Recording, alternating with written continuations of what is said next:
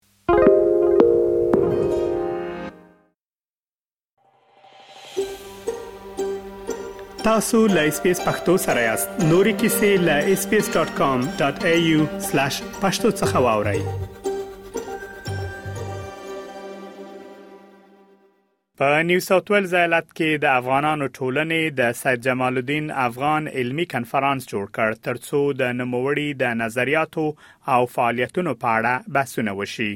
د ویسټرن سیدنی پوهنتون استاد ډاکټر احسان آذری د یاد کنفرانس له ګډونوالو څخه و له نوموړي څخه به د یاد کنفرانس او همدارز د سید جمال الدین افغان د نظریاتو او فعالیتونو په اړه واورو ډاکټر صاحب ډیره زیاته مننه چې سپیس پښتو رادیو ته مو د مرکې لپاره وخت راکړ. ژوندی اوسې ډیر تشکر. ډاکټر صاحب په پیل کې که مهرباني وکړئ او زموږ له اوریدونکو سره د سید جمال الدین افغان د کنفرانس په اړه معلومات شریک کړئ چې دغه کنفرانس د چا لخوا جوړ شوی و او ګډونوال یې څوک و او پر څه بحثونه وشول. لومړی تاسو ته او تاسو درنو اوریدونکو ته خپل سلامونه وړاندې کوم دا کانفرنس خو د سیو څه موده د مخه ما د افغانانو د همکارۍ د کمیټې د رئیس ښاغلي نادر اعظمینه غوښتنه کړې و چې کدی د سید جمال الدین افغان په باره کې یو کانفرنس جوړ کړي بیا لنیکه مرغه دوی لطف وکړ او یو ورځنی سیمینار په د پوهنتونونو په کچه باندې د جوړ ک او په دې کې افغانانو برخه اخیستې و او زموږ سیدنی میشتو پوهانو لکه ډاکټر صاحب عمر وردګ ډاکټر صاحب عبدالرحمن شینواری همداراز خاغلی وکیل ابوی ډاکټر یاسر او یو از موږ ځوانې خور د د د سید جمال الدین او د خزو په باره کې دغه حقوق په باره کې د سید جمال الدین په نظریات باندې ژور مجور نظرونه وړاندې کړل او دا ډیر یو کامیاب او ډیر موافقانه پای ته ورسید دا کانفرنس او زه په دې اطمینان لرم چې هغه څه چې وویل سول زیاتره د قرائتونو او د څیړنو په نتیجه کې رامنځته شوي وو. ډاکټر صاحب مخکې له دې نه چې په خپله سید جمال الدین افغان باندې خبرې وکړو دغه اهمیت مسله به هم پوښتنه وکړم چې د دغه سي غونډو جوړیدل څومره مهمه دي او ولې به تر دې وروسته هم داسې غونډې جوړ شي تر هغه وروسته به بیا په خپله سید جمال الدین افغان باندې او د هغه پر نظریات خبرې ولرو بالکل صحیح ده دلته خو زه باید وایم چې یو زما دې ته لیوال ومه په دا وروستیو دا دوه کلونو کې چې په افغانستان کې دغه روان حالات تیریږي دا د ټولو نړیوالو اسلامي مراکزو د اسلامي پوهانو اندېښنې راپورته کړې دي ځکه چې هغه څه چې زموږ په هیواد کې تیریږي هغه ټول په نوم د اسلام او شریعت په داسې حال کې ټول د د د اسلام او د شریعت له احکامو نه صریح سرغړونه او یو انحرافي او افراطي افراطي تصویر ده چې د افغان د د اسلام په باره کې افغانستان صادریږي نو یو علت دا و چې ځکه چې سید جمال الدین افغان آثار او تعلیمات دا د جهل او جهالت په مقابل کې دی او هغه د اسلام یو رښتینی تصویر وړاندې کړی ده په هغه شرایطو کې چې د موږ په وخت کې هم هغه ډیر مهم او ډیر د استفادې وړ دي نو له دې کبله ما یو علت دا او بل علت دا هم وو چې موږ افغانان چې په بهر کې دي دا باید د خپلو افتخاراتو د خپلو دیني فرهنګي او سیاسي مشرانو او سترو اتلانو نه باید دوی خبر وي او د هغو ژوند او خاطرې په خپلو خاطراتو کې ژوندۍ وساتي علت دوهم علت دا و مننه ډاکټر صاحب که په خپل د سید جمال الدین افغان په اړه خبرې ولرو زموږ اوریدونکو کې به ډیر داسې خلک کی چې نوم یې اوریدل یوازې او په ډیر جزئیاتو یې نه پیژني مګر داسې کسان به هم حتما ني چې غوي به ډیر پوهیږي د سید جمال الدین افغان په اړه که زموږ له اوریدونکو سره دا معلومات شریک کړئ چې سید جمال الدین افغان څوک و سید جمال الدین افغان د کونړ د پاچاګانو د کونړ د ساداتو نه وو او د دوستان هم دا اوس هم موجود دي ارواښاد هاشمیان په دې باره کې ډیر مفصل اسناد وړاندې کړي دي او همدا ډول استاد حبیبي په دې مورد کې خپل نظرونه ثابت کړي دي او په همدې ډول هغه لویدیز مستشرقین په تیب تیره بیا هغه د فرانسې فیلسوف چې دی لیدلی د هغه د یو افغان شیخ بولی او د بولی چې د افغانستان له خاورې نه راپورته شوی ده او هلته تربیه شوی ده او همدا ډول دا دا خو بیخي یو ښکاره خبره ده چې دې کې هیڅ شک او شوبه وجود نه لري د د اعظم خان په وخت کې صدر اعظم او د لوی مشاور بیا د دوست محمد خان سره یو ځای د هرات ته تللی اوس هلته د پارسی پارسی او پارس له خوا افغانستان باندې یرغل شوی او سید جمال الدین د د افغان مجاهدینو سره هلته ایراد بیرته ونیو د هلته هم اشتراک کړی وو دې کې خو هیڅ لکه رڼا ورځ غونډه ده او دا یو شعر کې د ایران د د ودت په باره کې د یو یو فرد راوړی دا هغه هغه د که زه اوس وایم هغه شاید ځینو خلکو ته داسې تند ثابت شي نو زه دومره وایم چې په شعر کې سید جمال الدین افغاني دا ځکه زه د شعرونه هم ویلي دي په دې شعر کې د ایرانیانو سره هغه بد چلند د سره کړی دی ظلم کړی دی په خپل خلکو اسلام ته هغه په دې شعر کې راوړي دي او ضمننې دا د چې ځینې ایرانیان مثلا یا لویدیزوال تاسو ته پته ده چې سید جمال الدین افغان داسې انسان و چې د ده لومړنی تعلیم دا و چې باید له استعماره اسلام خلاص شي دوی ویل چې موږ د لویدیزو ترقی د لویدیزو ټکنالوژي ساينس ته ضرورت لرو فلسفه ته ضرورت لرو ولیکن لومړی باید خپل ځان آزاد کو او باد لغه نه و نو دغه علت و چې دی تل د د انګلیسانو تر سوري لاندې وو تر سوري لاندې وو چې دی یو یو ورځ هم د د انګریزانو له آزار او زیات نه خلاص نه شو حتی دغه تیر اونۍ چې ما څېړنه کوله د په مورد کې ما ځینې حتی په دې په علمي مقالو کې ځینې کلمې راوستلې دي چې هغه د دې اوثار هغه کوي تحریف کوي نو د د انګريزانو د ته د ته پیشنهاد وکړ چې راست ته پاتشاه دی سو سودان سره ولیکن له دغه غوښتنو د تیسه د اسلامي حکومت د مخ په ضد مرا پاروه ولیکن د ویل چې نه زه د سودان پاتشاه باید په خپل سودانه وي زه نه دا کار نه کوم او د انګريزان نو په هغه کې د ایسلار مثلا په فرانسې ته لور په فرانسې کې د دوه کاله کابو دوه کاله هلته تم شو هلته د یو ورځپاڼه خبروله په نوم د اوروت الوثقا د خپل شاګرد محمد عبدو سره چې هغه یو مصری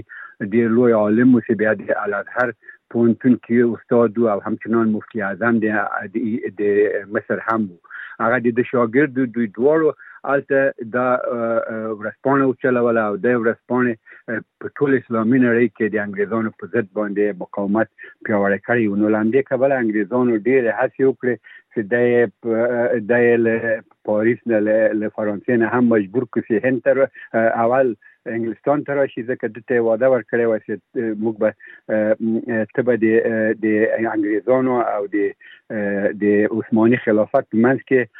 منځګړی توپ کوي هغه په دې بانه باندې د له پاریس راوغوښتو کله چې پاریس نه د لور لندن ته په اخر وخت کې دغه ځواب ورکړي چې دا کار امکان نه لري هغه مجبور و بیرته لور ترکیه کې او هلته وفات شو د عمر تر پای پورې او د داسې اسناد هم موجود دي چې د مسموم شوی د په ترکیه کې د انګریزانو په اشاره باندې ډاکټر صاحب معمولا اوریدل کیږي او د ده له نوم سره یادیږي چې د ختیز یا شرق نابغه سید جمال الدین افغان ته د ختیز نابغه ولې وایي ته باور وکړه د په دای کې فرانسې ته لاړ په 1383 کال کې د مارچ په میاشت کې هلته یو د د اروپאי او د فرانسې ډیر لوی مشهور فیلسوف او همدارس رون اندای چې ارنست رنان نومید هغه یو سیمینار ورکړی و د پاریس پوهنتون کې چې اسلام او ریا او ساينس د د څه نظر خپور کړی و چې اسلام فی نفسی یعنی اسلام په داخ په طبیعتا د علم او د فلسفه او د ټکنالوژي مخالف ده او هر چیرته به دوی اسلام د د ټکنالوژي او د معارف په مورد کې دوی به یو لوی خند واقع شي دا د ده نظر وو او ضمنا د عربو په مقابل کې هم د بد نظر ورکړی و چې عربان د طبیعتا د ته جوړ نه دي چې چې ترقی او مدنیت ومني او همداراز د په ډیر توهینامیز ډول سره د مسلمانانو د ستارو د پګړۍ و داسې په سر کوي دې ته یې ویلي وو چې دا د اوسپنې یوه حلقه ده چې دوی په سر وراچوي د دې لپاره چې خپل سر په کلوپ کېنې چای ورپرې پرې نږدي د دوی په سر کېنې تر دې اندازې پورې د توهین آمیز خبرې نظریات وړاندې کړي وو نو کله چې دا سیمینار د ولوستي فورا یو دوه میاشتې بعد د د دې ځواب د انسترنان ورکړي چې تا دغه سیمینار چې جوړ کړی وو ما ټول واورید او دا ټول غلطیو ډک ده لومړی دا ده چې اسلام په هیڅ وخت کې د ساينس معارف او د ښځو د حقوقو مخالف نه ده ځکه چې اسلام فی نفسی په خپل طبیعت کې ساينس او فلسفې ته وده ورکوي ځکه د سید جمال الدین افغان بیا د هغه د منځنیو پیړیو کې چې اسلام د د مدنیت د نجوم د علم د ریاضي د فلسفې د کیمیا د نجوم همدا ډول په نورو د بشري علومو په برخه کې اسلام تر ټولو نړۍ پورته او د اسلام لوی خدمت د سید جمال الدین افغان په وینا باندې دا و چې دوی دغه وګوره په اروپا کې د افلاطون، ارسطو او سقراط دوی نه پېژندل، په داسې حال کې چې دا د دوی خپل مأخذ او ریشه وه، ولیکن وخت چې د اسلام علما لکه ابن سینا، لکه فارابي، لکه ملا صدرا، لکه داسې راغله، دوی خپل آثار خپاره کړل. او دوی خپل آثار په عربي باندې واړول وروسته له دینه اروپایان پوه شول چې دا و ارسطو د دوی ده او سقراط هم د دوی ده یعنی دوی هغه ارسطویی حکمت دوی ټول مسلمانانو نه واخیسته نو زما دغه په دې ځواب کې چې علامه سید جمال الدین افغاني ورکړی وو ارنست رینون ته باور وکړئ چې د ارنست رینانس ډیر مشهور د په لویدیځ کې لغنه د د عام اسناد پیاوړي او هم د دې استدلال او تعقل په دې مورد کې نو نو دا چې د نابغه د شرق وای د د خپل ارنسترینان د فیلسوف وای کله چې ما سید جمال الدین افغان ولید وروسته له دې نه چې دوی د خپل نظریات سره تبادله کړې بیا دوی په پاریس کې یو بل سره ولیدل نو په دې کې دی بیا یادوي چې کله چې دا افغان شیخ ما ولید چې ما سره کېناست په مجلس کې ما داسې فکر کاوه چې دا ابن سینا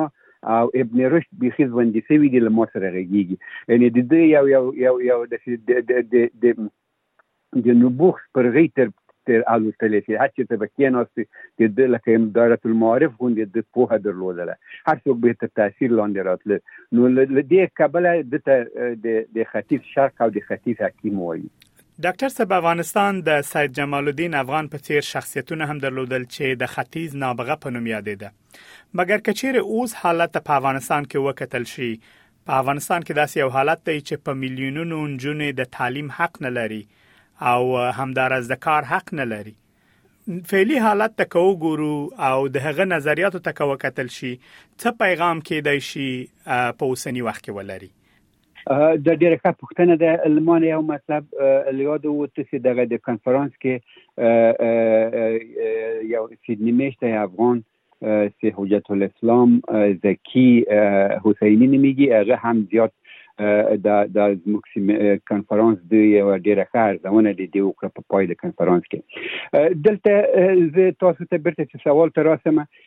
باور وکړئ په په افغانستان کې د طالبانو هغه مشران او رهبران چې دوی زیات زیات شیخ او شیخ وایو شیخ الحدیث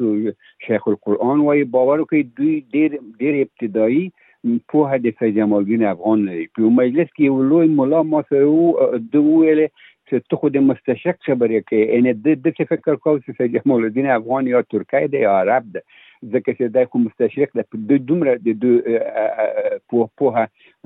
کمه وه نو علت دا ده چې په دا دوه کال کې چې طالبانو قدرت نیولی د ډیره مر... بده مرغه دوی اسلام ته ډیر بد نوم ورکوي او هر ورځ د اسلام نوم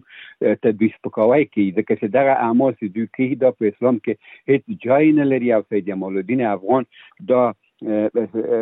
یو نیم سال کاله مخکې ویلي و چې سیاسي تعقل، اجتهاد او ریفورم د اسلام هغه اصلي ځڼی ده. اسلام پرته له ساینس نه موجودیت نه لري، که ساینس او په تېره بیا د ښځو په حقوقو کې سید جمال الدین افغان وايي دا د نارینه و صلاحیت نه ده او نه د نارینه و حق ده او نه د اسلامي حکومت حق ده چې د ښځو اراده تمثیل کړي. ښځو ته اراده الله تعالی ورکړې ده، آزاده ده او دوی پرته له دې چې نارینه ورته حدود وټاکي دوی په خپل باندې د خپل اراده څرګندونه کوي نو نو دغه علت د ما هم دغه اوس د طالبان د دوی مشران باید دوی کرشتیا د وطن په ګران وي کرشتیا دوی د اسلام رښتینی داوی کوي نو دوی باید لاړ شي د سید جمال الدین افغان آثار وایي چې په جامعه کې د معارف اهمیت څه شي ده سید جمال الدین افغان تل په معارف باندې دا ټینګار کوو هر چې څه بسې ته په هند ته لاړ هلته د تعلیم او د ښځو د حقوقو په اړه کې ویناوې کړې دي بیا چې په اروپا ته لاړ هلته د فلسفې په اړه کې او د ساينس په اړه کې چیرنې کړې دي او ډېر جوړې مقالې خپل وړاندې کړې دي نو زما پاند باندې اوسنی د زموږ د دغه ټولو ناخوالو ځواب د د د سید جمال الدین افغان په آثارو کې ده له بده مرغه طالبان خو داسې تربیه شوي دي چې دوی په داسې یو مدرسو کې تربیه شوي دي چې دوی ته داسې یو رقم اسلام په یو شکل منحرف شکل سره په یو انحرافي او یو پیوډیل افراطي شکل سره دوی ته تدریس شوی ده حتی باور وکړي وای دا د حقانیه مدرسه سي ده دلته څېړونکي تللي وای دوی ټول ټول ټول د دې مدرسه کې 200 کتابونه دي نو ته ته فکر وکړه چې 200 کتابونه خو اوس په یو کودکستان کې هم وي په یو په یو کوچني